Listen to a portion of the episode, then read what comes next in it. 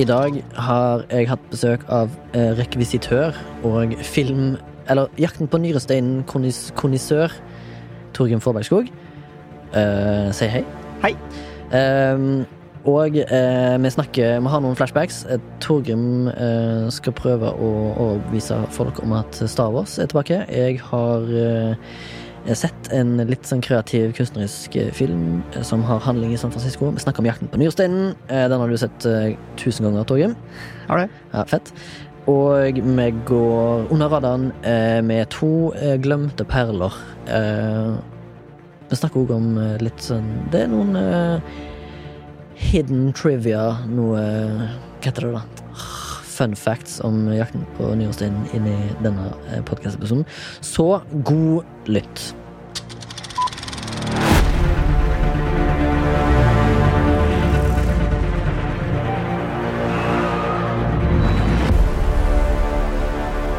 Flashback. Flashback. Heller du oppi vann? Til meg òg? Ja. Fy faen, takk. Gjesten utkonkurrerer den andre gjesten? Nei, det gjør han ikke. De vanlige? Nei da, de heller oppi til meg, det, jo. Du hører på Flashback, en podkast om film og sånt. Eh, I dag er jeg fortsatt alene. Baba og Morten har svikta meg igjen. Eh, de er og farter rundt omkring og har et eget liv, og etterlater det til den ensomme idioten som heter Remi. Men i dag har jeg med meg en ny gjest. Eh, mange av dere kjenner kanskje til karen. Ikke alle, men jeg har en podkast med han eh, på samme, i samme studio som, som heter For å si det MILF. Og det er da den ærverdige og ærbødige Torgrim Forbergskog, eh, rekvisitør. Si hallo. Hallo. Hei. Går det bra? Ja, det går fint. Litt spent. Du sa du var litt spent fordi nå skulle du ha, være med i en eh, Voksenpodkast. voksen med litt sånn fagterminologi, å si, og sånn. Ja. Skal du faktisk snakke om faget ditt? Nesten? Uh, ja, Litt? gleder meg til det. Mm. Uh, har vi gjort alle sine vante ganger, da? Ja, ok, jeg heter Remi, jeg er 34 år, jeg er fra Haugesund. Ja, og jeg heter Torgrim, jeg kommer fra Trondheim. Det her har jeg fått med meg. du har fått med at du skal Ja, si introdusere. er. Ja, ja. Ja. Stemmer. Det må vi gjøre hver gang. Uh, men nå har vi sagt det. Bor i Oslo, det gjør du òg. Eh, ja, det, Og, og du jobber som filmarbeider. det gjør jeg. Og det er litt derfor jeg bor i Oslo. På 120% sånn som meg. Ja, man jobber jo fort litt eh, overtid, da. Ja. Når man jobber i filmbransjen. Bransj. Vi jobba det. sammen eh, på en TV-serie i sommer som var, som heter Rådebank. Sesong to, eh, der jeg var med, iallfall. Og du var med mye. ja. Og du var òg med mye på sesong én, som har hatt stor suksess. Ja. Føler, føler du at du har en stor eh, del av æren for at det var en suksess? I og med at du var den eneste mannen slash personen i det som kalles på fagspråket for Art Department. Jeg tror nok ikke jeg skal skryte på meg eller ta så mye ære for at det ble så populært som det ble. Nei. Eh, Men siden produksjonen var ganske liten, og det var, ikke var så fryktelig mange i crewet, Ja. så får man jo mer eh, ansvar, og derfor føler mer eierskap, og da, derfor kanskje kan høste mer ære av den æren som kan tilskrives min avdeling, i hvert fall. Ja, ja, ja. For du er ganske stolt over arbeidet ditt du har gjort der. Det er gøy, liksom. Eh, ja, det var, det var en stor utfordring. Det var jo Ja, et uh, karrieremessig stort byks for min del, eh, Ja. som gikk fra å ha gjort mye assistentjobb, Ja. eh, litt rekvisitørjobb, til å få det fulle ansvaret. Ja. Eh, og det, sånne ting kan man jo vekse litt på, da. Uh, tror Jeg tror læringskurven der er ganske bratt, ja. Det er litt som uh, med filmarbeid, som det er med andre ting i livet. At av og til må man bare hoppe hopp uti og right to the occasion. Må ut uti det, ja. Jeg har jo Jeg jobber jo som settrekvisitør på Rådebank. Det gjør jeg jo ikke sånn sykt ofte på lange prosjekter. I og med at jeg syns det er litt sånn skummelt, fordi jeg har ikke så mye erfaring. Men jeg hoppet i det nå fordi det var en utfordring, da. For Ja. meg, egentlig, sånn sett. Jeg Så hyggelig å jobbe sammen, da. Og Det er veldig hyggelig å jobbe sammen òg, men, men også veldig sånn utfordrende. Og jeg er jo veldig sånn Tydeligvis har jeg funnet ut at jeg er en sånn veldig sånn Jeg er vant med den posisjonen jeg sitter i, med, uten ansvar, da, ofte. Ja. Men sånn når du plutselig blir kastet inn i en ansvarsposisjon, så, så gruer du deg mest på forhånd, men når du er inni det, så er det liksom en naturlig del av livet. Heat of the moment. Ja. Det tror jeg iallfall jeg. Uh, jeg har vært og googla deg, Torgrim. Eller Oi. jeg har søkt deg opp på, på IMDb, og du har to Torgrim-profiler på IMDb. Ja, men den ene er, er navnet stava feil. Oi! Visste du dette? Nei, det visste jeg ikke. Fordi at eh, du har jo jobba på Unge lovende, men på din profil eh, der det står eh, Torgrim Forbergskog, så har du ikke Unge lovende satt opp Nei, på din eh, jeg er ikke så nøye på sånne ting. Eh, Jeg Nei, vet nei. at det er noen som er veldig nøye på å liksom, få alle produksjonene sine på IMDb-en, for jeg syns det er litt tøft. Eh, Og Ja. jeg skal jo ærlig innrømme at første gang jeg fant ut at jeg hadde IMDb, Ja. Siden jeg ikke har laga den sjøl, så syns jeg det var litt artig. Sendte du det hjem til mor? Eh, Nei, det gjør du ikke, men det skal jeg gjøre når jeg kommer hjem. Ja. Skal du sende den falske profilen? da? Den som står én credit på deg. Men grunnen til at du har to, det er fordi at eh, enten så har de folkene som sto bak eh, Unge lovende, som skal opprette IMDb for deg, kanskje du ikke hadde en fra før av, men de har skrevet navnet ditt feil. Okay. De har skrevet Forbergskog. Ah, forberg. De, de mangler en G. liksom skr skrevet litt som man sier det. Forbergskog. Ja, ja. Men jeg har skrevet med sånn en uh, aksent etter r-en, eller? Mm. Ja, Nei. Forberg... Det hadde vært litt gøy Ja, det hadde vært en aksent. Nei, men det er bare rett og slett Forbergskog. Ja. Mulig, jeg vet ikke, Kanskje du skal gjøre noe med det, eller ikke? eh, nei, det, tror jeg ikke jeg Nei, skal gjøre noe med. Fett. Det er en kru kuriositet for Det absolutt eh, ja. alle som elsker IMDb.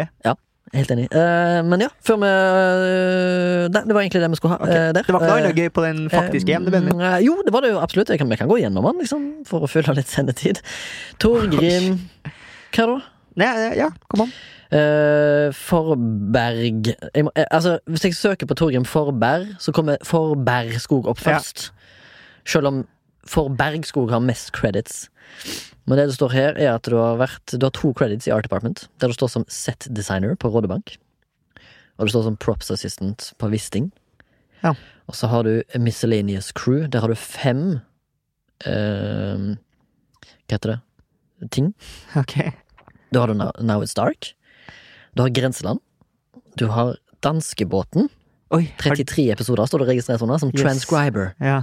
Altså logger på norsk. ja. Hvis vi snakker om at jeg har følt mye eh, ære eller mye ansvar på Rådebank, da, så var det veldig lite på danskebåten. Nettopp. Ja. Men her er det en film som jeg føler ikke du har snakket om, men mulig at du har nevnt i forbifarten, fordi at tittelen er for meg ukjent foreløpig. Det er en film som heter Ailos reise, et nordnorsk eventyr. Ja, eh, det var jo en, eh, en eh, lærepenge, kan man jo si. Det her, alle film, eller Veldig mange filmarbeidere snakker om at de har liksom det ene eh, prosjektet der de ble på ekte fucked. fucka over. Ja. Eh, gjerne litt sånn eh, ung og urutinert i bransjen. Ja. Eh, kanskje du trenger jobb. Det var jo det som var tilfellet for min del. Jeg visste at dette var en ganske dårlig deal, Mm. eh, men hadde gått lenge uten jobb. Tenkte jeg tar litt hva som helst. Gikk på prosjektet og ble altså rojalt fokka i rumpa, hvis det er lov å si det. det er lov til å si det her. Eh, altså, jeg trodde jeg inngikk en dårlig deal, men jeg hadde ikke i mine villeste drømmer kunne jeg forestilt meg hvor dårlig det var. Jeg hadde regna ut da eh, at eh, en av dagene jeg jobba, så hadde jeg en grunnlønn på 36 kroner i timen. Det, Så det er så festlig som du får det. Det er omtrent like mye som de filippinerne på Tom Cruise-båten eh, i ble Men du mistenkt å får jo så mye mer for de pengene når du kommer tilbake til Filippinene. Ja, Når jeg kommer tilbake på eh, Sankthanshaugen. Da får jeg så lite for de pengene. Ja, det er sant det. Og så den siste crediten her, det står du bare som assistent, og det gjør jeg òg, på en film som jeg jobber sammen på, som heter Totori. Sommeren med Valina. Som er en film vi her i Flashback-redaksjonen, og i alle fall du, Torgrim, kanskje, anbefaler varmt. Ja, Til barnefamilier, og alle andre, egentlig. ja. Men hvis du er en godt voksen mann, ta med deg kanskje noen alibier. Fordi det kan se litt creepy ut. Fordi at jeg, når jeg tok med meg deg, Torgrim, du hadde sett han før, og så tok vi med meg, vi med oss ei venninne, så var vi tre voksne personer som gikk og så en barnefilm. Så spurte han billettkontrolløren om, han, om eh, hva vi gjorde der. ja han spurte om liksom, det var, var var sikker, hva s- de, Han var vel redd for at vi hadde gått feil, da. Ja, han- Mer enn ja, at han syntes det var creepy, antar jeg. Jo da, ja da, ja da. Men eh, det var en legitim, eh, eh, et legitimt spørsmål fra han, da. Og vi lurte på om hva hvilken visning vi var på vei til. Når han tidligere har pipet inn en haug med barnefamilier. Men uansett, det er en solid film. Ja, den er veldig fin, Mm. og det synes jeg Det er jo en eh, kvalitet De beste barnefilmene har jo på en måte én linje for barn og én linje for voksne. Ja. Eh, og det gjelder jo både film og jeg tror liksom barne-TV også. Eh, er jo liksom at du må klare å skrive for alle som skal se det. Og det er noen gang sånn at halvparten av de besøkende på kinoen er jo ikke barn. Eh, og de bør ikke hate filmen når de går ut derfra. Eh, og det tror jeg ikke nødvendigvis at du gjør hvis du går og ser uh, Totori, eh, som er en festlig og fin og litt rørende film. Veldig rørende. Og eh, som sagt, den er jo lagd av voksne, så den har jo alltid en sånn voksenpreg over seg. Altså, det, det er jo, eller Filmen i hvert fall føler jeg handler om barn som blir satt inn i en voksen situasjon litt. Ja. Kanskje. Ja. De må nødt til å klare seg alene, det er det det handler om. Så det ligger jo i tittelen. Eh, Før vi skal inn i det som vi skal snakke om i dag, og det, det vi skal snakke om, Torgrim, det er jo en film som jeg kjøpte her en dagen. eh, I En annen barnefilm, kan man en, si. Ja, det kan man si, og en veldig kjent norsk barnefilm, faktisk. Ja. Står jo i tittelen, så du vet jo det når du har klikka på, på denne episoden. Eh, du som hører på. Og det er jo Jakten på Nyresteinen, eller Nyresteinen, som jeg liker å kalle det. Eh, den kjøpte jeg på SD, altså det som kalles for uh, standard definition. For den fantes ikke i HD på den streamingtjenesten jeg kjøpte den på. Og vi kan jo bare Da vi skulle se den filmen, vi så den jo sammen for Mm. Å forberede oss eh, Til sending. til sending. Mm. Eh, og så tenkte jeg sånn Ja, men kanskje det her er en type film For den ligger jo ikke på noen strømmetjenester. Eh, så tenkte jeg sånn Ja, men eh, kanskje vi kan leie den på biblioteket? Mm. Eh, for det tror jeg kanskje jeg har gjort en gang i tida. Ja. Den faktiske filmen på biblioteket. Ja. eh, På VHS. Um, oh ja, på, også, ja, på også, VHS, ja. ja, så går jeg inn på Deichmanske på nettet. Taka, taka, taka. Litt sånn Morten der, da. Takka, takka, takka, takka. Takk, takk, takk. takk. Ja. Ah, du, du, fett, fett, fett, fett. Inn på Deichmanske, og så søker jeg på Jakten til Nyresteinen. Og de har fire eksemplarer i Oslo-området, Mhm. hvorpå alle er utleid, og det er tre stykk i vente, på, på venteliste. Det jo, det lover jo godt for denne filmen. Ja. Det er jo litt spesielt det at, eh, at fire stykker som har den på, låner den på VHS. Ja, Ja. En 24 år gammel film, med, der står det tre stykker på venteliste på, på et random gitt tidspunkt. Og du, du la deg ikke på lista? Det gjorde jeg ikke. Nei. Vi fant jo en annen løsning. Ja, men kjøp, Jeg kjøpte den rett og slett på YouTube. Eh, Der kan du leie den for 29 kroner i SD, og du kan kjøpe den for 79. Eh, Det er jo en eh, norsk film, kan vi si. Men før vi skal inn i det, så skal vi inn til den faste spalten som heter Ukas flashback. Eller den flashback, der eh, vi forteller hva vi har konsumert av eh, film, TV og annet medium. Eh, I, eh, i denne uh, podkasten. Torgrim, du har jo kanskje hørt noen episoder, muligens. Vet hva det går i. Ja. Har du lyst til å åpne Jeg kan godt gjøre det. Jeg er litt redd for at eh, jeg tar noe som dere allerede har snakka om. Det går bra. Så Alt satser jeg på at det går fint.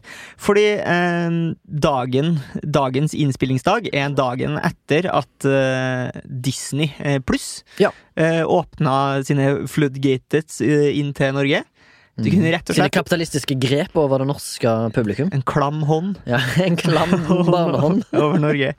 eh, og jeg og min samboer, eh, som er en mann, og som ikke Som er et fullstendig platonisk forhold, eh, bestemte oss for at vi skulle se Mandalorian. eh, Star Wars-TV-serien. Ja, nettopp. ja Som jeg Mm. har uh, gleda meg fryktelig lenge til å se. Ja, Uh, og uten å spoile noen ting som helst, uh, hvis jeg skal ta det sånn filmgrepaktig, siden det her er en uh, podkast om film og sånt, Ja. eh, så hyller jeg det på alle mulige måter. Ja. Eh, Western-vibba. ja, Eh, real props. ja. Ikke så mye CGI. CGI. Ja. Det, det er mye liksom, fysiske props. Elsker det. En, Og en stor homasj til alle som har vokst opp med Star Wars og liker Star Wars og er litt Du trenger ikke engang å være Star Wars-nerd for å plukke opp en del av homasjene de feeder gjennom den TV-serien. Fullstendig eh, deilig. Elsker det. Eh, har bare sett de to episodene som har kommet. Mm. Eh, anbefales eh, på det varmeste. Ja. Kult. Det er en jævlig fet eh, flashback. Det er jo absolutt Veldig film! veldig film. Ja, jeg synes det er så veldig film. Den, den ja, det er jo en av de dyreste seriene per episoder som er laga. Ja. De er jo oppe i Game of Thrones-nivå på prisene her. Ja, Og så kjører jeg med en jævlig sånn smal letterbox. Ja, Så du får veldig sånn cinema, cinematografisk ja enig. film. Og så er det en halvtimes episoder. Det det. Og så er det veldig kul uh, musikk, og det er liksom helt nydelig filma. Og alle, som, som du sier eh, har sett litt sjøl. det er jo helt nydelig, vil jeg si. Eh, det kom jo nettopp en trailer for sesong to, eh, hvis du hører på. Sjekk det ut. Eh, ja. Min flashback er rett og slett Jeg har vært, jeg var på en hyttetur for ganske recently. Eh, på den hytteturen så ble det jo kaldt og bløtt, holdt på å si, ute. Da måtte vi jo hive på en film. Da kasta vi på en film som jeg ikke har sett, eh, men hørt om, som heter The Last Black Man in San Francisco. Fra i fjor, altså 2019, eh, som handler rett og slett om eh, Ja, hva kan jeg si? Det handler om en kar da som uh, føler han har mista sin identitet uh, i uh, San Francisco, og prøver å etablere seg sjøl som en svart mann i et relativt hvitt nabolag i San Francisco, med å da prøve å pusse opp et gammelt hus som han påstår til eh, ble bygd av hans bestefar. Men eh, det ligger og svirrer litt om han faktisk eh, snakker sant. Okay. Og Hvilken sjanger? Ja, det er en veldig sånn quirky, litt sånn hips, veldig hipsterbasert film, med okay. veldig mye sånn rare fortellergrep. Ja. Det er mye sånn surrealisme med han. syns jeg, i både samtale Altså, sånn Det er et slags drama, eller? det er, det er en drama, ja. Den er, veldig, den er rørende på mange måter. Det er ganske bra prestasjoner av skuespillerne. Eh, jeg, vil, jeg vil gjerne anbefale den til folk som liker sånne Hva skal jeg si, da? Litt sånn sosiale dramafilmer. Men som egentlig ikke spiller på noe sånn særlig mye sånn fordommer eller noe Det er ikke noe politisk. Det var Ja, et det høres eh, altså- medmenneskelig Jeg tror du for eksempel, Torgrim, hadde digga filmen ganske bra. Jeg digga filmen ganske bra. Synes den er en solid film. Anbefaler den ganske varmt. For jeg syns jo den høres eh, ganske politisk ut. Hvis du Ja, mener? ja, men jeg, In this day and age Ja, jeg er helt enig, Ja. men når jeg så den, så tenkte jeg ikke over i det hele tatt. Eh, fordi filmen er så jævlig gjennomsyra av solide prestasjoner, da. At du ikke Og så blir du heller aldri minnet på at det fins liksom noe splittelse i samfunnet. Altså, det det er en veldig varm og åpen film, da. Ok.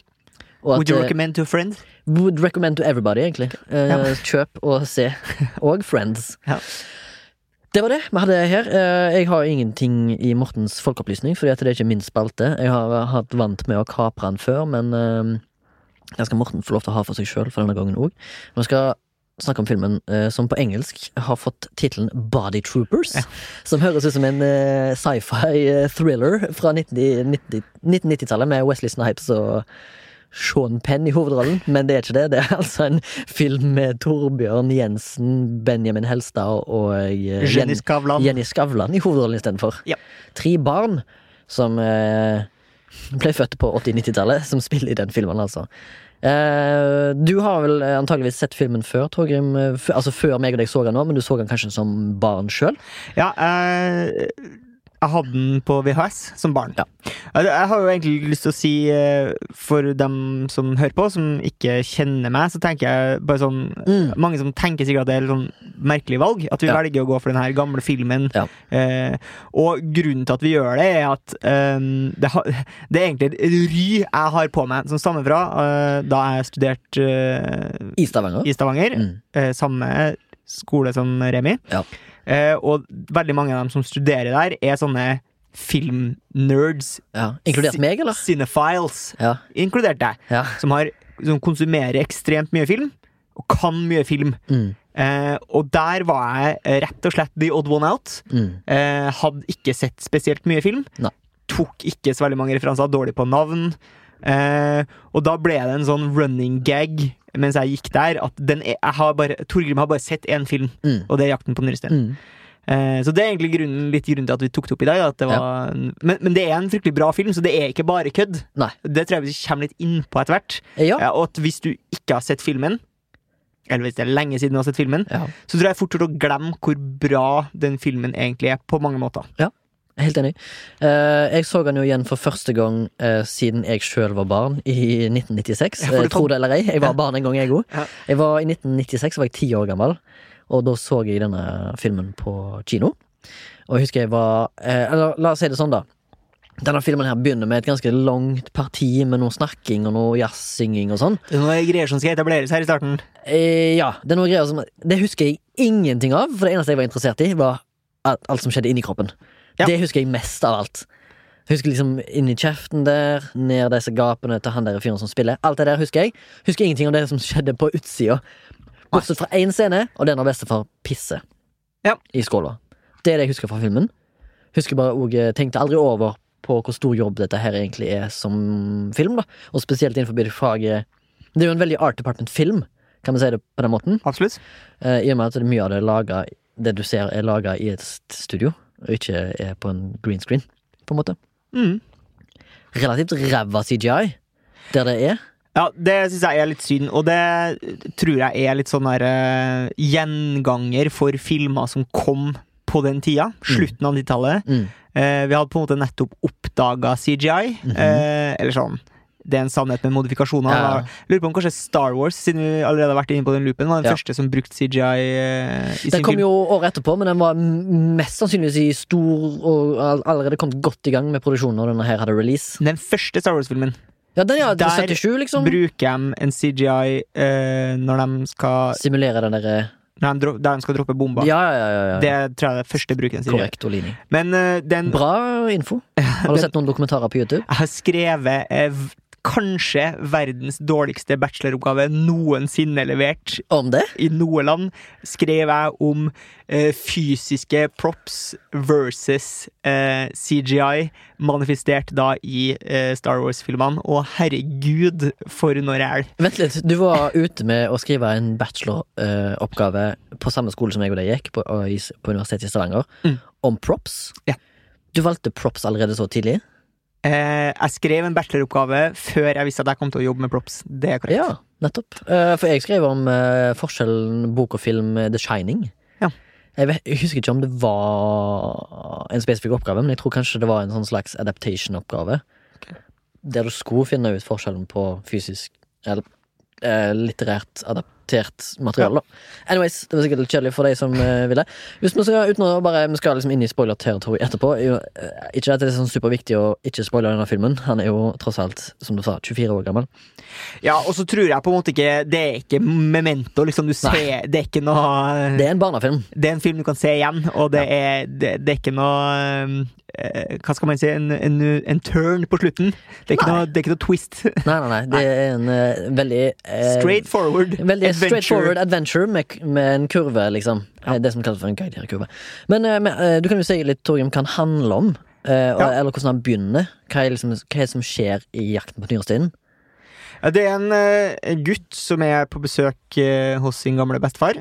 Mhm. Eh, og i starten så etableres det først et forhold med en litt sånn magisk eh, bamse. Ja. Eh, som spilles, eller voices i hvert fall, av Mm. eh, skutt å si Joralf Gjerstad. Det blir jo helt feil. Ja. Det heter Toralf Maurstad. ja. Um, Du har jo påstått at Torvald, Torvald Maurstad var en skikkelig sånn eh, Han er veldig flink til å sjekke damer. ja, Fordi han har sagt i et intervju at han hadde noen spesielle bukser på seg. Kan du, kan, kan du gå inn på litt om det? Denne her gamle ringreven som fortsatt er i arbeid i, i sin uh, sinnssyke alder. Ja. Nei, det er et det, Eller det, det er parafrasering, altså. Ja. Men det er snakk om noen bankersbukser som det blir høne på uansett. Ja, nettopp. Som han hadde på seg på intervju, da, tydeligvis. Ja, spørs det. Tror du det var med Dorte Skappel i sånn Senkveld på 90-tallet? eller hva heter det? jeg tror nok det var God kveld, Norge. Ja, det kan godt være. Men ja, fortell. Ja, Er er det litt rart at han den uh, bamsen voices av Torvald Maustad med en sånn amerikansk aksent? ja, men jeg tror det er et poeng at den er fra USA. Den er bereist, ja. Ja, Mm. Og at den har tilhørt både bestefar og far, Ja. tror jeg. Ja. Um, og så uh, er det jo da uh, bare Det er liksom to vanlige mennesker i denne filmen her. Ja. Sånn, To vanlige menneskelige mennesker. Ja, det er bestefar og sønn, og eh, bestefar snakker veldig åpenhjertelig om eh, savnet av eh, Sin deilige bestemor, kan du si. Ja, eller hans kone, da. Ja. Eh, og guttens bestemor, Ja. eh, som døde for 30 år 31 år siden. Ja, sånt. Mm. Faren er også, nei, Bestefaren er altså da også en eh, jazzmusiker, og de skal til København fordi han skal å spille med gutta. Ja. Skal ut og spille med gutta på, på, i Nyhavn, ja. Ja, Men så det, har det seg altså sånn at denne bestefaren har jo eh, en sjukdom. Eh, Forklar sykdommen. Ja, det, det er jo da Står i tittelen. Står i tittelen, det. Er en nyrestein. Det vet vi ikke. Mm. Eh, eller i hvert fall eh, barnebarnet, hovedpersonen i filmen, Har ikke vet ikke det. Altså Simen Simen, ja. eh, vet ikke det her. Eh, men eh, han er jo fysen på å eh, redde sin bestefar, som F fordi han sover dårlig og skriker litt og sånn, Ja. og okker seg mye. Ja. Ja. Mye vondt. Mye vondting. Men det er både en nyrestein som er en torn i siden, men også kjærlighetssorg, da. Ja. Stadig. Eh, For sin uh, fortapte kone. eh, Så på et eh, tidspunkt Du må stoppe meg der, for jeg er ikke sånn bevandret i hvor mye man skal Dette si her, er, når. dette her er bra, dette. Ja, okay. Mm. Eh, Så finn den her bamsen med amerikansk eh, genbasseng ut Mm. at eh, At de skal trylle seg små. Eller eh, Simen skal trylle seg små. Ja. Eh, Liten. liten. Mm. Og her er det det første eksempelet av forferdelig valg Ja. eh, skjer. Ja. Eh, nemlig at når Simen trylles liten, så eh, er det noe CGI inni bildet her. Stemmer det. Som Eh, er relativt uh, latterlig Ja, i det forhold til er, resten. det er så 1996 Ja. eh, at du tror det ikke engang. Mm. Eh, det er noen grønne stjerner som animeres, og jeg bare mener at de har, gjort, de har løst så mange ting så store ting, så vanskelige ting, Mm. i den filmen her, med fysiske props, at det å bytte ut det CGI-støvet med noe vanlig støv Ja. eh, Og litt kan, jeg, røyk. jeg skjønner ikke at de har tatt det valget. Nei. Men jeg syns antageligvis at det var litt tøft, og at de hadde satt av noen eh, Millioner til det. noen millioner til CGI. Ja. Eh, så blir den, eh, Simen blir liten, og entrer da kropp, bestefars kropp for å finne Via via munnen Ja. for å finne ut eh, hva som er galt. Vi er med på en vandring gjennom eh, diverse Organer. organer. mm. Eh, møter eh, forskjellige folk som er person personifisert gjennom forskjellige kroppsfunksjoner, kan man si. Ja. Eh, da det er veldig fantasifullt. Opp, eh, laga og opplegget og alt er liksom veldig sånn fint, da. Ja, og så tror jeg at når du ser den filmen her, hvis du skal begynne å bryte ned som en eh, avhandling på legestudiet, så tror jeg du you're gonna have a bad time. Ja. Eh, for ting henger ikke helt på grep. Det er Nei. på en måte litt morsomt. Altså, igjen tilbake til der at du skal på en måte prøve å please et barn og en voksen Mm. samtidig, eh, så er det litt sånn artig løst. Det er ganske artige karakterer, syns jeg. Ja, ja, helt enig. Også for uh, Voksne. voksne. Mm. Uh, og en del kjente ansikt, som også er litt gøy. Det er veldig gøy, faktisk. Uh, Harald Eia har Jennys- en rolle. Ja, som tårekanal, men han er mer Han er tårevåter. Tårevåter. Ja, tåre, tårevåter. Han Veter. har de glade tårene. Han har de glade tårene, og så er det vel en oh, Den andre Eh, var Kjersti Holmen er nå i hvert fall ja, hun spiller Galle. Mrs. Galle, eller Frøken Galle. Han godeste Lage Fossheim er med. Ja. Og så fant vi han derre eh, fyren fra, ja, fra Hurra Torpedo. fra Hurra Torpedo spiller en cellist. Ja. Og så har du jo eh, Vi vet ikke hvem han som spiller dårlig ånde er, men en jævlig kul karakter. Ja. Uh, er det andre kjente? Ja, det må jo være det. Ja, eh, ehm, de to hjertevaktene er jo Ja, ja, Herborg Kråkevik og Vibeke Og Helen Nei, Helen Vikstvedt. Du, Stemmer. Så er det sikkert flere kjente. Det var dem jeg kom på før, da. Ja, Det er jo tross alt en 24 år gammel film. Eh, her er det òg mye unge skuespillere som den dag i dag er veldig kjente. Bortsett fra hovedrollen sjøl. Han har ikke gjort noe særlig videre etter dette her, tror jeg. Men Benjamin Helstad er jo kjent fra blant annet Kongen av Bastøy. Kongen av Bastøy, Grenseland, eh, Rett vest, eller hva det heter. Den, Ja, ja. ja, den eh, Harald Martin Brattbakk-filmen. det var litt tullete sagt, det heter ikke det, men uh, du skjønner hva jeg mener. Ja, han er iallfall en prominent skuespiller nå i, no i Norge, og det er jo Jenny Skavlan er jo kjent for andre ting, blant annet for å være skuespiller, men òg Tice. Tice. Hva er det for noe? Det er den appen? Ja. Gjenbruksgreier? Ja, noe Sying. sånn klesgreier. Ja, Ja, Vi har ikke akkurat undersøkt det så mye. Men eh, det som er veldig interessant òg, da, er jo at um, Iallfall sånn som jeg ser det, Han som har produksjonsdesignet her, han som har designa hele filmen sitt fysiske uttrykk, og det som er liksom bygd det, altså inni kroppen til en kar, da. Ja. Designet av den norske legendariske uh, kunstneren og produksjonsdesigneren Harald Egede Nissen, som jeg har hatt en glede av å jobbe med to ganger. På, på Knerten og på Erik Poppe sin Utøya-film. Eh, og han er en helt strålende fyr. Det er jo Eh, enorme sett, må jo sies. enorme sett. Som er og bygd eh, mm, mye på Jar. Mye på Jar og mye på Smestad. Slemmestad. Næringspark. Slemmestad næringspark. Uh, jeg vet ikke om det fortsatt eksisterer, men mulig. Uh, Iallfall det er lokalt bygd, da. Og eh, jeg har snakket med Harald, som hadde design på den her. De hadde vel et år, eller noe sånt, halvannet år i forarbeid med å lage alle disse studiosettene, og eh, ja, det er vel et eh, Jeg vil vel kalle det for et stort stykke arbeid. For Ja. når meg og deg gikk gjennom rulleteksten, så var det en haug med snekkere og en haug med rekvisitører og scenografer og dekorfolk og overalt. Det er jo et stort sett som skal dekkes. Det er liksom Det er både tunger, det er liksom hjertekanal, det er liksom årer, det er urinrøyr, holdt jeg på å si, galle og Ja. alt slags ting som man Jeg skal syns jo gjennom. de eh, tarmene Mm. de, Det er noen sekvenser der de rusher gjennom tarmene, Ja. Eh, som er eh, utrolig kul Ja. Og det er uh, organisk, da. De har fått Alt ser veldig sånn organisk ut, Mm. naturligvis, Mm. siden det er organer. Mhm. Eh, men veldig kult løst. Fargemessig tøft. Mm. propsene er veldig kule. Mm. Eh, men jeg syns også Kostyme. Kostyme, ja. Ja, Skulle akkurat si det. Og samspillet mellom kostymer og eh, props og scenografi Mm. er veldig bra og veldig kreativ og veldig morsom. Ja, og så vil jeg si at filmen i seg sjøl er en sånn Det er en sånn kul reise. Du blir med Simen som ikke har peiling. Men han, han møter da blant annet eh, Karta, spilt av eh, Benjamin Hestad. Ja, som Som er- spiller hvitt blodlegeme. Han spiller et hvitt blodlegeme, ja, men han har fått eh, i oppdrag om å kartlegge kroppen. Han jobber i kart... kart kart, kart Eh, Kattjustervesenet eller noe sånt for kroppen. Ja. Eh, og tar han med på en reise eh, videre. For han, han har ikke så sykt mye peiling sjøl, men allerede tidlig så lærer vi at, uh, at uh, Karta Han sliter med å se folk grine, og det er jo på en måte en liten setup, kan du si. Ja, Absolutt. Han syns at folk som griner, ikke er noe kule. Fordi at Simen begynner å grine, da, i det første han møter han, kan du si. Ja. Er ikke det? Jo Ja. stemmer.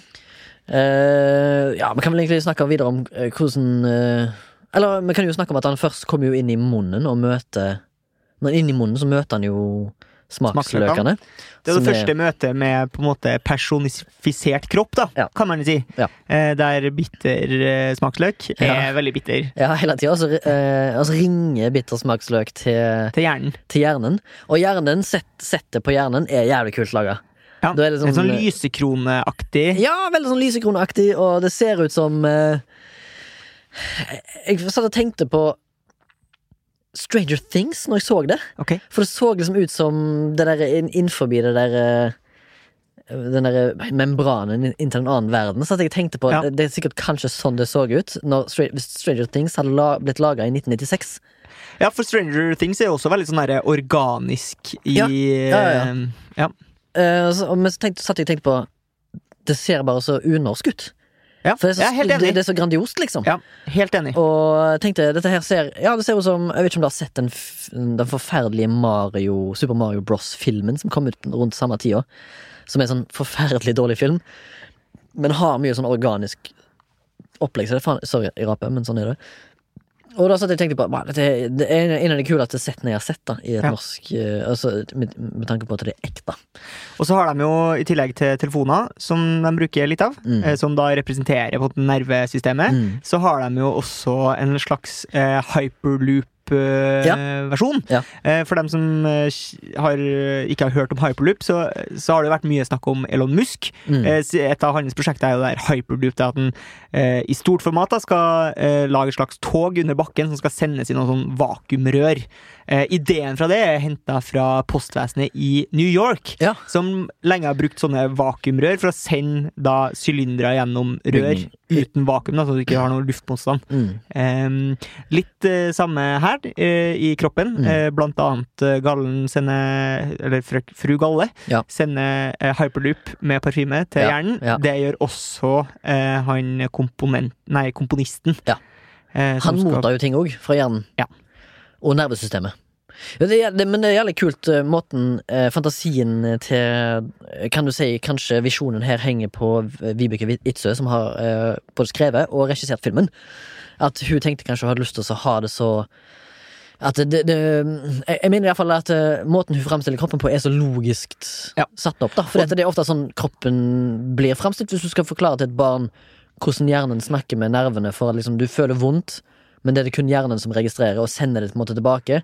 Så har de gjort en sånn slags Kall det litt kanskje sånn pedagogisk. At du skal forstå hvordan kroppen funker. For jeg føler også at filmen fungerer litt sånn pedagogisk. Det der du er nødt til å ta noen valg, ikke sant? Mm. Eh, du er nødt du, Ja, det er kult at det ligner, det er kult at det er det samme, Mm. men, men du kan på en måte ikke Altså, for det første, da. Hvis du skal være en vriompeis Ja, når bestefar lukker munnen, Mm. da skal jo resten av filmen egentlig være svart. Ja, Altså, sånn, Nå ja. kommer lyset fra inni Ja, Så du må ta deg noen sånne friheter. ja, ja, ja. Ikke sant? Ja, absolutt. Det, det må du bare kjøpe umiddelbart. Jeg tenkte ikke på det en gang nå før du sa det. At det selvfølgelig det er helt mørkt inni kroppen. Men eh, Eller eh, har en bestefar svelgt ei lommelykt på Ja, det var en, 70-tallet? på et nachspiel? når han var rusa på psilocybin, tenker du på? Som er en sopp. Okay. Som er sånn psykedelisk. Jeg følger jazzmusikere. Ja. Sikkert går mye på det. Ja. Ja, kanskje. Men uansett, eh, det er en ting som jeg syntes var veldig kult i begynnelsen. Det er når de møter eh, denne her eh, Er det i halsen? Han som eh, konstruerer stemmebåndet? Ja, Han, er han som, eh, og han er jo framstilt som en slags organist, eller en komponist, Mm. som mottar et bilde eh, fra hjernen, tror jeg det. En bestilling. En bestilling på et skrik eller noe sørgende, noen lyder da, som skal lages, og det synes jeg er jævlig kult, fordi at du ser liksom det der stemmebåndet Han må lukke det liksom mekanisk og Ja, for han har jo noen sånne store, store stemmeskruer. Ja, som ser ut som stemmeskruer på sånne gitarer. Og det synes jeg er jævlig kult, for han mottar masse bestillinger på Skrik, men eh, jeg vet ikke hvorfor han ikke får det til. Jeg, jeg vet ikke hva de prøver å fortelle der, men det er vel kanskje noe eh, Tror du det- kanskje unger forklarer? Eller eh, klarer å forstå? Ja, men tror du ikke det handler om det der eh, at eh, Det er samme grunnen til at han ikke kan grine og sånn. Det, er- det er på en måte noe eh, uforløst, da. Altså undertrykking av følelser. Tror du ikke det? Ja, ja, absolutt. Eh, Kanskje jeg bare tenker for mye at dette er en barnefilm, men så egentlig så er det jo Skal vi prøve å forklare dem noe, denne filmen? på en måte? Skal nok det. Ja. Skal forklare at det er ok skrik, for eksempel. ja det er eller, det er eller gutter kan grine, tror jeg kanskje er litt av tingen òg. Ja. Det er ikke bare jenter som, som griner, liksom. Ja, For eksempel. Ja, for eksempel. Eller skriker av smerte. Ja. Fordi han bestefaren han okker seg nesten egentlig bare hele tida. Tror du ikke det? Er det ikke litt sånn gamle folk i det? Ok, hvis du, Torgrim, hadde hatt uh, det som kalles for nyresten, hva slags lyder ville du ha lagt hvis du med, med liksom eh, Du må holde deg igjen da du er på flyplassdassen på Gardermoen. For gallestein slash nyrestein. Akutt. Akutt. Akutt Hva nyresten. slags lyder lager du fra dass, og du er nå 69 år gammel? Jeg tror det er litt sånn derre Jeg husker min eh, gamle barneskolelærer eh, forklarte at han hadde hatt nyrestein. Mm. Jeg skjønner ikke helt hvordan det kom opp, men fortalte at Kanskje det dere var hadde sett Jakten på nyresteinen, Kanskje. The AV Club, i timen? Han forklarte i hvert fall at det var som å pisse piggtråd. Oi! Ja, så jeg tror ikke det er noe særlig. Nei, men tror, du ikke, men tror du at vi har kommet såpass langt i teknologien siden 1996 at det er faktisk lettere for folk å få nyrestein nå? At det kan løses bedre? Jeg vet ikke. Med noe medisinering? Jeg lurer på om man kanskje av og til må operere det ut hvis eh, krystallene er for store. Ja. Jeg Kanskje. husker, jeg husker i hvert fall at uh, Høres jo ugjevt ut. Det høres ikke greit ut. Jeg eh, Husker du uh, Friends, når Joey fikk det? Gallestein, eller nyrestein. Nei, dessverre. Og han her fikk sånn eh, glass da med gallestein på. De var sånn store som, som små singel. Og så tenkte jeg holy shit! Altså Dette her er jo da en TV-serie fra 90-tallet slash 2000-tallet. Om det så er scientific uh, correction, det vet jeg ikke. Jeg vet ikke hvor store det, disse her kan bli, da. Men uh, siden det filmen her handler om, så regner jeg med at smerten er større jo større steinen er, eller eventuelt mye uh, At det forekommer mer, da. Jo større er smerten. Fordi at jeg har hørt et, eller prøvd å undersøke litt om nyrestein. Folk kan få det ganske ofte, men ikke merke det. Fordi at de kan bli veldig små. Ja. Pitt, pitt, pitt, mikroskopiske, visstnok. Det er først når du får en sånn ansamling med masse med store Det at plutselig begynner å gjøre smert, smertefullt å pisse, da. Eh, I tillegg så har jeg hørt eh, Så leste jeg selvfølgelig hva som forårsaker det, og da blir jo eh, eh, hypokonderen Remi med en gang bekymra, der det sto, spesielt sto at kaffe eh, har hatt en, Ja. en ting å si når det gjelder nyrestein. Ja, det er vanndrivende. Så. Ja, men jeg, ja, ok, det er det som har med å gjøre? At du Ja, det er, jo, det, er jo sal, det er jo saltet i urinen din som krystalliseres hvis Ja. det blir tørt. da Så det gjelder bare å hydrere seg, egentlig. Drikk mye vann, ikke det hjelper, ikke vann. hjelper mot alt. Rart at ikke Nei, drit nå i det. Hva skjer så videre i filmen etter uh, tale... Stemme, stemmebåndet? Ja, vi kommer jo ned i lungene etter hvert. Ja. Der møter vi Alvola, Ja. som spilles av Jenny Skavlan. ja. Eh, og der ser vi jo at faderen, eller bestefar, har jo da røkt. Røkt, ja. Og han røyker vel inne mens Sim- ja, ja, ja. Simen er på besøk. Ja, men det gjorde mine foreldre òg på Ja. 90-tallet. De røykte inne. Det, var, det er en tidskapsel, da. Ja, Det er absolutt en tidskapsel. Og så er det vel mye referanser til røyk òg, fordi den- det står jo noen røykpakker på bordet hjemme hos de. Altså menneskene i serien her. Altså, I tillegg så føler jeg òg at bestefar hadde noen raunchy kommentarer, som kanskje ikke du sier til barn. For eksempel at han datt av scenen og skada seg, som har noe å si for hva som skjer inni han litt. Ja. Blant annet så spør Simen om han blødde, og sånn 'jeg blødde sykt mye', liksom. Sjukt mye blod. Og liksom sier det til en liten ung- unge, jeg vet ikke helt om det er liksom pedagogisk. Men dette her er da snart nesten 30 år siden, så det går, går sikkert greit. Eller så har det bare Det er bare en bisetning som faktisk vi kommer tilbake til, da. Ja. I, etter at de har vært i lungene. Ja, for lungene er jo en slags sånn anti-smoking eh, Campaign, ja. fordi der er jo lungene helt eh, in ashes. Yes. De som jobber der, er døv eh, Ja, på det grunn av all røyken. Eh, og de står og skrubber lungene. Ja. Eh, og så Fordi de er svarte av tjæra, sant? Ja. Tjære, ja. Mm. Riktig, riktig. Mm.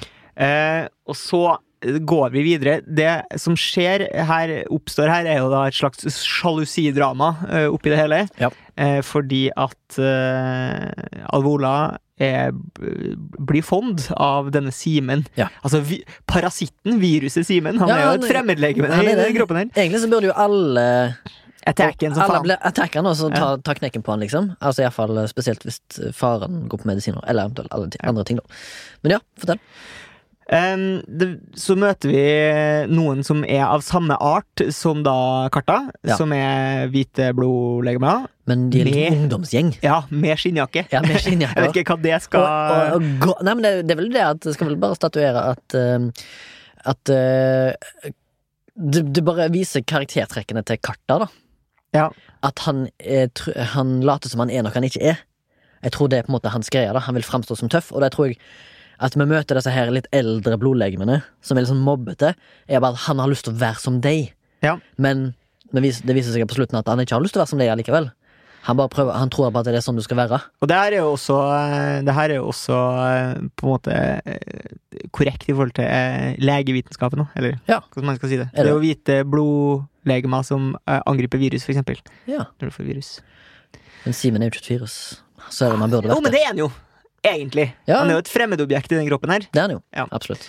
Um, og da kommer det jo en legendarisk kommentar uh, som uh, kommer fra uh, han som spiller Pjolter i Uhu, for dem som er en, av en generasjon som tar den referansen. Ja. Um, som sier 'Har ikke du karta, karta?' Ja, For de er- prøver jo å finne en, et visst organ. Eller de, Ja, de prøver å finne ut hva, hva, hva er det som feiler. Ja. Prøver de hele tida å finne ut. Ja. Eh, og da har jo eh, Karta en onkel Ja. som har et litt morsomt navn. Han Tongue cheek. ja. Han heter sekre, Ja. Sekret Agent. Ja. Sekret Agent. Som er, det er jo et ordspill. Eh, ja, ja, absolutt. absolutt Eh, Ja, det er jo gøy.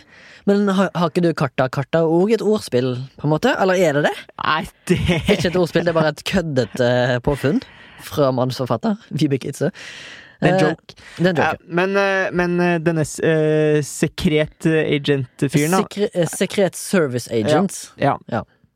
Det, det henspiller seg jo på eh, sekret, Sikkert, som ja. er på en måte spytt og Spytt, ja. eh, væske som skilles ut Ja. i kjertler og Stemmer. alt som er. ja. Jeg må vel å si det. Ja. Eh, og han har jo sett eh, på en måte alle virusene i kroppen. Da. Han er Mm. på en måte har den funksjonen. Mm. Eh, så da får de eh, clouet på hva det er som er feil. Ja, fordi at eh, han har en sånn eh, Det jeg vil eh, kalle for en blotta frakk. Ja. Aktig Spio Secret Spy-frakk. Ja. Og på innsida av den Så har han mer CGI. altså han-. Ja, det er mer- CGI, som er ganske lusent. Der han har kartlagt alle de ondene med kroppen. Der blant annet får du jo besøk av denne her villainen, som jeg faktisk ikke har introdusert ennå, men dårlig ånde. Ja. Som ser ut som en slags veps blanda med en sånn Venetian witch doctor. Som har sånne langt maskegreier. Og så en sånn svær gasstank på ryggen, og så har han en sånn dårlig åndepistol. Eh, Han er blant annet avbilda der i CGI, og så tar eh, sekretmannen Han tar ut en slags 3D-maske av noe som kalles for salthogger. Ja. Som da representerer det som feiler bestefar. Altså nyrestein. Er det ikke det? Stemmer det. Eh, og da må vi finne ut eh, hvordan man eh, Kom oss der. Ja, eller hvordan skal man slå steinhuggerne, da, må de finne ut av. Ja, selvfølgelig. Og da kommer de etter hvert ned i magesekken, der de møter de gamle grå, som også er et ordspill, ikke sant? Ja. Eh, som har flytta. Ja. Eh, og hvorfor har de flytta, Remi? Eh, de har flytta fordi de er gamle, var det ikke det? Ja, de har flytta fordi når man er ung, Ja. så er det hodet som bestemmer. Ja. Men når man har blitt gammel, så er det magen som bestemmer. ja, stemmer. Det er jo Ja. sikkert en voksenvits. En voksenvits. Ja. I tillegg så er det jo en eh, callback der på noe som har skjedd tidligere, eller i begynnelsen av filmen. Det er at bestefar grabber seg en håndfull med peanøtter. Ja. Eh, som han spiser, som er det eneste han har spist. Fordi han plager så mye med smerter.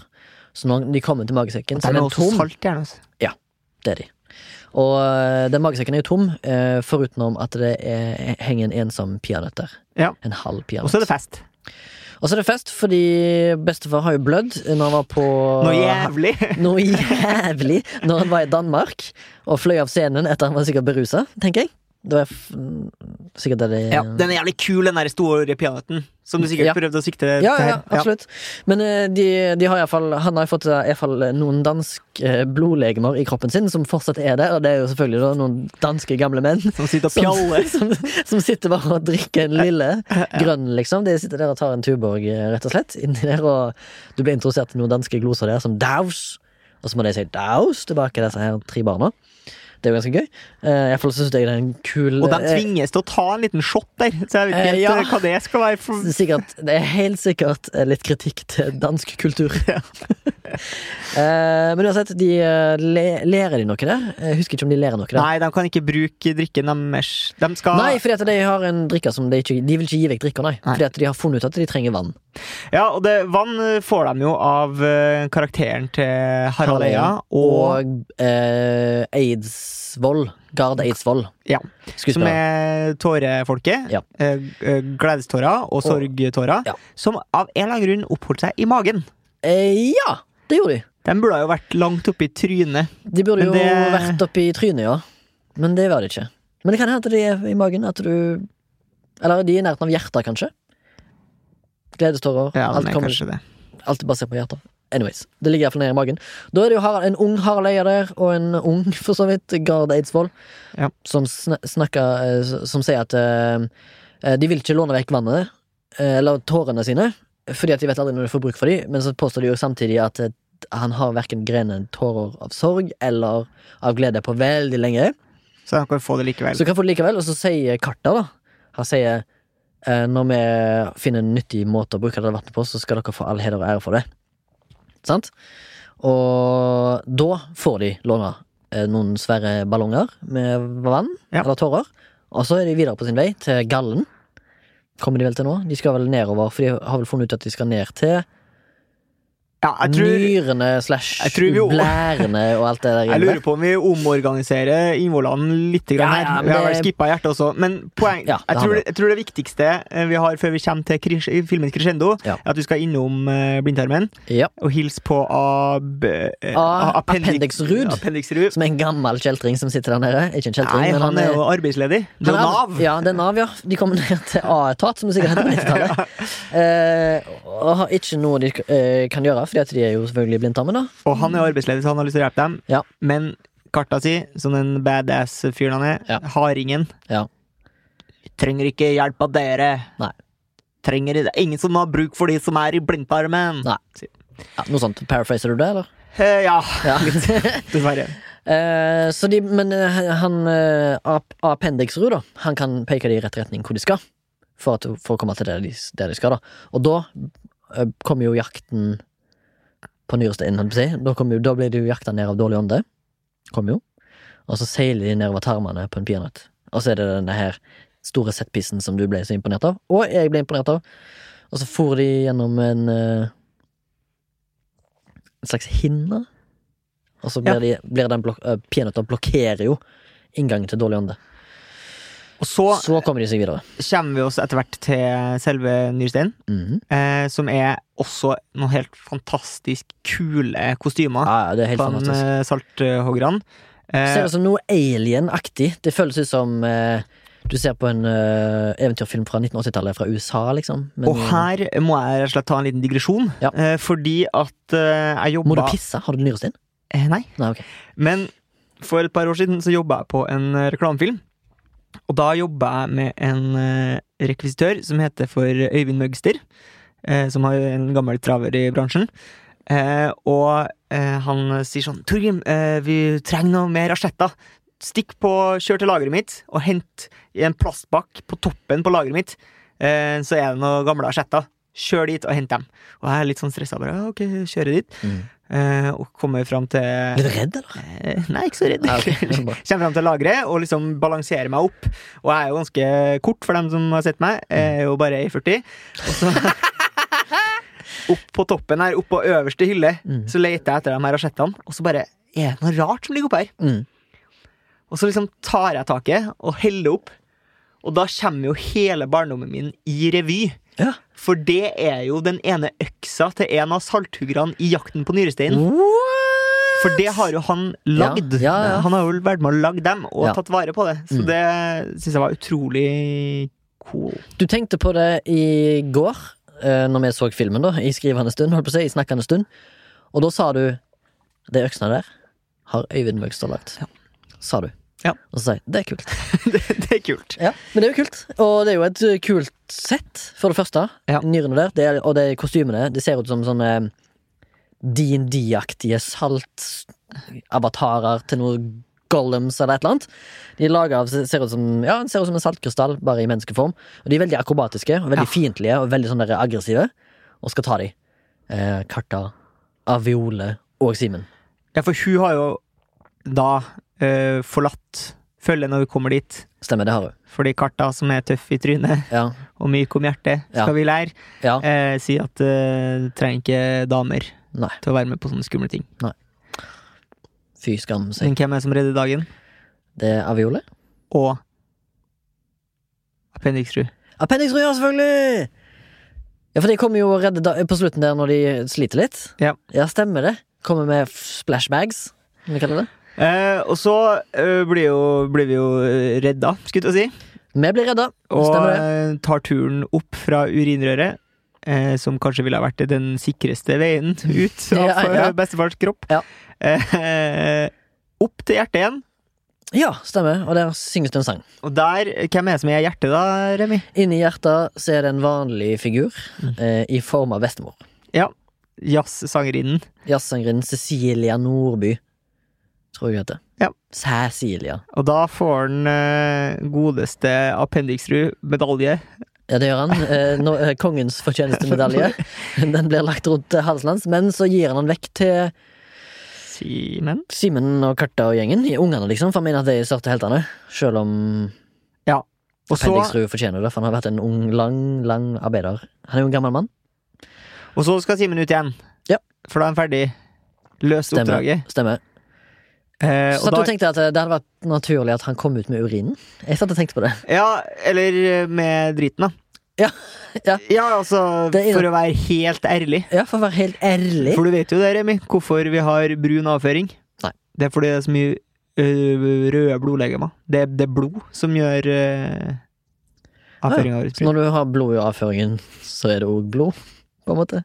Ja, ja, men det er jo døde, Døde døde blod. blodceller gjør avføringa. Jeg vet ikke om det er et- her i et sånt program For du er lege, om- Ja. ja. Stemmer det. Kult. ja, men Nei, det visste jeg ikke, men du har jo allerede brifa med din knowledge. Men vi skal opp, ut av kjeften igjen. Ja. Spydd opp, på en måte. Ja, på en måte. Veldig rar greie. Eh, og så skal vi jo jazze med gutta i København, Ja, som vi har egentlig lagt opp til, venta på hele filmen. For det er det han skal. Han jazzer med gutta. Han, skal, han vil røyke sigaretter igjen. Han vil tryne av scenen. Han vil være liksom the shit. Og så eh, har han fått beskjed av bestemor om at han må be eh, bestefar om å spille en spesiell sang. Ja. Og da synger hun i Mm. hjertet, Ja. og da Hører alle det. Ja, Eller og far og da bestefar hører det. får han Harald, Harald Eia. Harald Eia får jobb.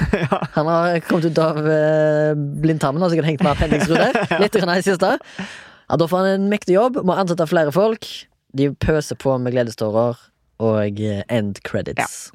Så eh, hvis jeg skal eh, oppsummere filmen, da, Ja. som vi egentlig har brukt veldig lang tid på å gjøre, Eh, ja, bare snakke oss gjennom hele filmen, Men det er sånn, sånn det så ville jeg sagt at eh, det er jo ikke plottmessig noe sånn dritbra, og det er sikkert noe moralsk eh, nice med at man skal kunne skrike, og sikkert litt læringsrikt, men Ja. For meg, den aller største verdien er rett og slett helt fantastisk håndverk. Ja. Det er Som voksen, eller? Men som barn var det kanskje eventyret sjøl, fordi at du kanskje verdsatte ikke Kanskje, nei, kanskje ikke det. Ja. Ja, for jeg synes jo det var et eventyr. Jeg synes jo selvfølgelig det, det jeg husker best i filmen, er jo den slåsskampen på slutten med salthoggerne. Jeg husker liksom spesielt Salthoggerne for meg, når jeg var liten, kan sammenlignes med Skarptann i Lillefot og vennene hans. Ja. I sånn skummelhet. Mens hvis jeg ser for eksempel Lillefot og vennene hans nå, så er det kanskje ikke det jeg legger mest Det er det som liksom sitter igjen med meg, da. Men de var jo skumle. Ja, absolutt. Litt, iallfall. Sånn som jeg så det Når jeg var ti år gammel. Men bare år etter, to år etter, så så jeg jo Men in Black, som er en eh, relativt mer skumlere film enn eh, enn Jakten på nyrsteinen. Ja, Lagd for et litt annet publikum, kanskje. Ja, kanskje, kanskje. Men den er elleveårsgrensa. Elleveårsgrensa. Ja. Elleveårsgrensa. Mottatt. Hvis du skal øh, sette denne filmen i en slags kategori, hvor ville du ha satt denne filmen? Altså som i barnefilm? Nei. Ja, ja, eller ja, det Eller nei, er adventure. ja, eventyrfilm. Ja, det er det. For den etablerer seg ganske tidlig som en eventyrfilm med tanke på at den teddyen snakker. Og det vil jo si at filmen videre skal bli litt magisk, da.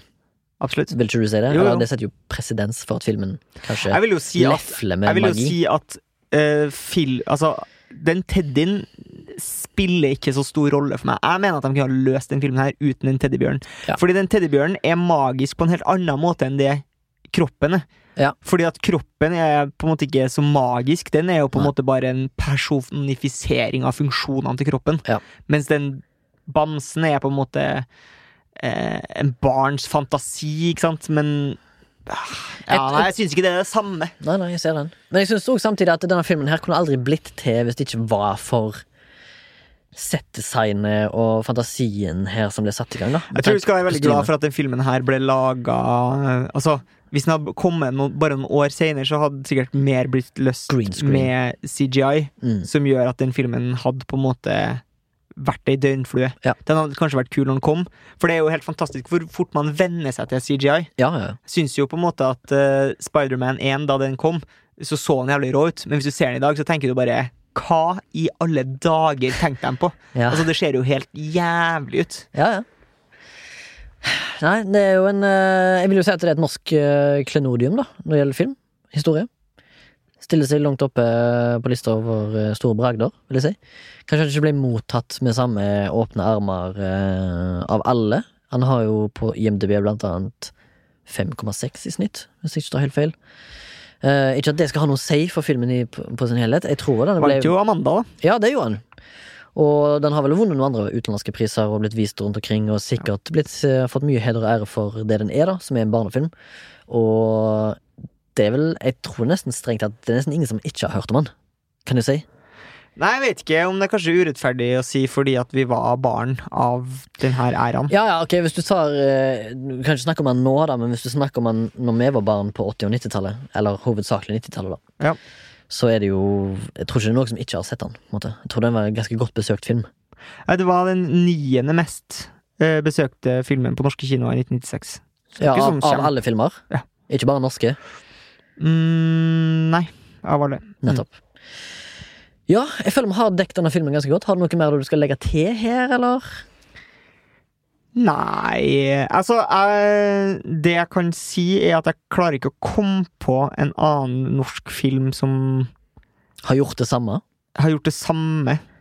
Og Nei. lagd et uh, ser, eventyrlandskap på samme måte. ja, den ser veldig dyr ut, Ja. syns jeg, da. I norsk standard så er han veldig Budsjett på eh, 35 millioner kroner. I 1996. Eller nå. Det er sikkert da. Ja, det er jo da. Det er jo relativt mye penger. Med tanke på at jeg jobba på Skjelvet for tre år siden, og den hadde et budsjett på 60 millioner norske. Ja. Som da er nesten 20 år etter. Eller over 20 år etter. Så er det jo en relativt dyr film. Men som jeg sa, eh, produksjonsdesigneren jobba jo flere måneder, om ikke år, i forarbeidet. Men jeg ville jo tippa at hvis den filmen her skulle blitt laga i år, så hadde den kanskje nesten ikke i det hele tatt blitt spilt inn i Norge. Det tipper jeg jo eh, er et faktum. Romania eller eh, Litauen eller Tsjekkia eller noe sånt Ja. på studio der nede. Helt sikkert. De har jo større lokaler, større soundstages eh, og den slags.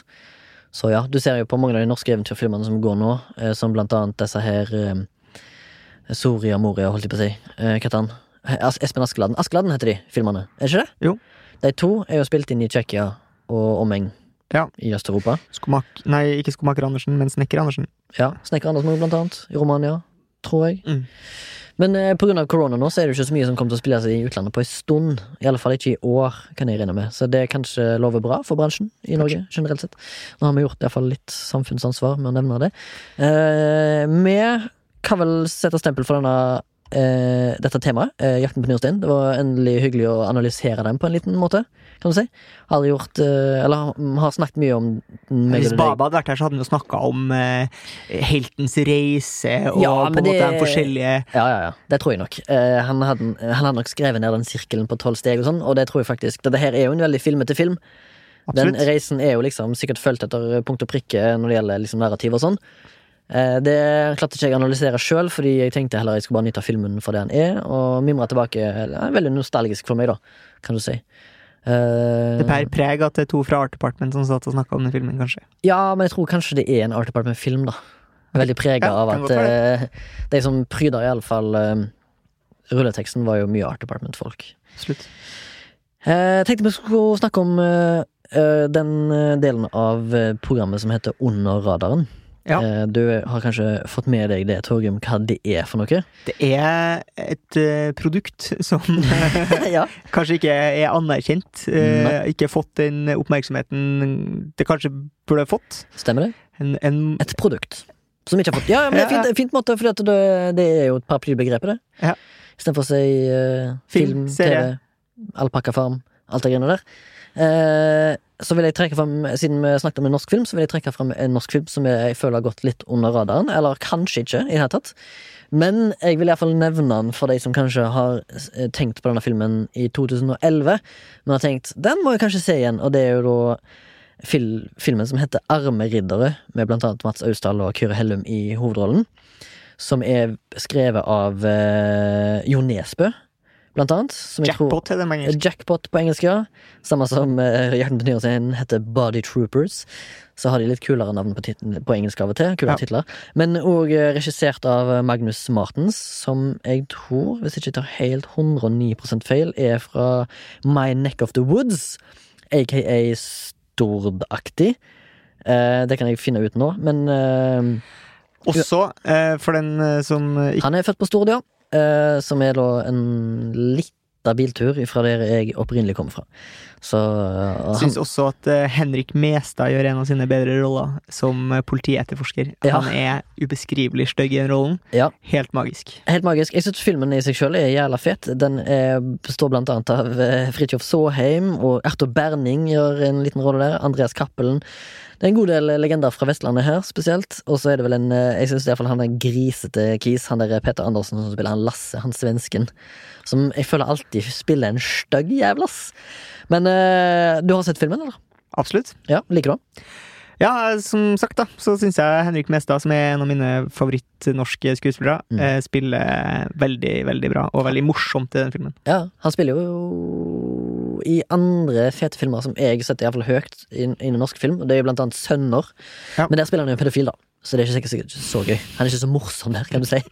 Uh, men uh, absolutt verdt å se Sønner. Uh, og, men som sagt, jeg anbefaler Arme riddere. Uh, jeg han, jeg har han på DVD. Har ikke sett han siden, men jeg har han òg på digitalt format på min pæse. Så den går det an å sjekke ut. enten om, du, om han heter Jackpot eller Armriddere. Løp og kjøp. Hadde du jo en eh, litt Ja, under radaren, eller? Jeg tenkte jeg skulle nevne det bare for å snøre sammen eh, de tre temaene Ja. eh, i dag. Ja. Fordi jeg snakka, starta med å snakke om Mandalorian, Correct. der de har gått tilbake til å bruke en del fysiske props. Yes. Eh, og, og film på location. Mm. Og så snakka vi om Jakten på nyresteinen, som mm. har veldig stort fokus på eh, Art Department. Art Department og store, bygde, fine sett. Eh, så tenkte jeg skulle eh, tipse om en HBO-TV-serie som heter Karnivale. Ah. som er litt eldre. Det er ikke så mange som har sett den. Det er ble cancela etter to, episode, to sesonger, men, men det har ikke noe å si for handlinga. Og det er veldig synd at den ble cancela, fordi den er kjempe, kjempebra. Eh, som, hvis du liker litt sånn kostymedrama, eh, litt sånn Sirkus 1920-tall, 10-tall eller et eller annet. Ja. Turn of the century. Litt sånn overnaturlig, Mm. fantastisk bra TV-serie. Jeg er helt enig, Torgrim, og den serien er faktisk under radaren, for den har jeg glemt ut, og den må jeg nesten revisit for Ah. å få med meg, for den er vel en par ti år gammel, den òg. Ja. HBO. Den, den skal jeg absolutt sjekke ut. Eh, Godt tips. Eh, Det er akkurat det vi holder på med her i Under radaren. Det er jo tips om gamle storheter. Eller folk som har tenkt Produkter som har gått under radaren. Skal vi se oss ferdig med episoden? Ja, det kan vi godt. Ok. Denne podkasten, som heter Flashback, er produsert av Soundtag. I dag har Sondre eh, hørt på meg og Torgrim gnåle litt om en gammel norsk film. Er du, Syns du det vi holder på med her, eller det, jeg holder på med her, eh, å representere to andre idioter som òg er med på denne podkasten, er gøy og fortjener støtte? så er det mulig å støtte oss med noen donasjoner på Vips. Gå inn på sound, eh, Søk på Soundtag på send penger, tror jeg det. Eh, så kan du få opp to options der. Det er da flashback den ene, og så er det en annen en som heter For å si som både meg og Torgrim òg på en måte jobber med. Jobber ikke med, men vi holder på med, fordi en jobb er jo noe du får betalt for. Det er vel egentlig bare en kreativ hobby vi har, kan du si. Eh, Foreløpig. Der kan du iallfall eh, gi et ønske antall, hvis du ønsker det, og følge med fortjener det. Eh, ikke det at du skal føle deg nødt, men eh, jeg setter iallfall pris på hvis du kanskje deler podkasten med noen som eh, ja, kanskje interesserer seg for film eh, og sånt. Hvis ikke, eller du kan òg ta kontakt med oss på flashback at soundtank Herregud. Flashback at soundtank.no på mail. Vi har òg en Instagram som heter Flashback Podcast. Og vi har en Facebook-side der du kan sende inn spørsmål, eller eventuelt ta kontakt med oss hvis det er noe du lurer på, eller vil at vi skal ta opp, eller er det noe vi har sagt feil? Eh, Gjerne kom med en korrigering, eller er det noe du ønsker vi skal snakke mer om? Så ta gjerne kontakt. Jeg tror jeg har dekka det der. Del med en venn. Vis til noen kjente. Gå på kino. Støtt kinoen. Støtt norsk film.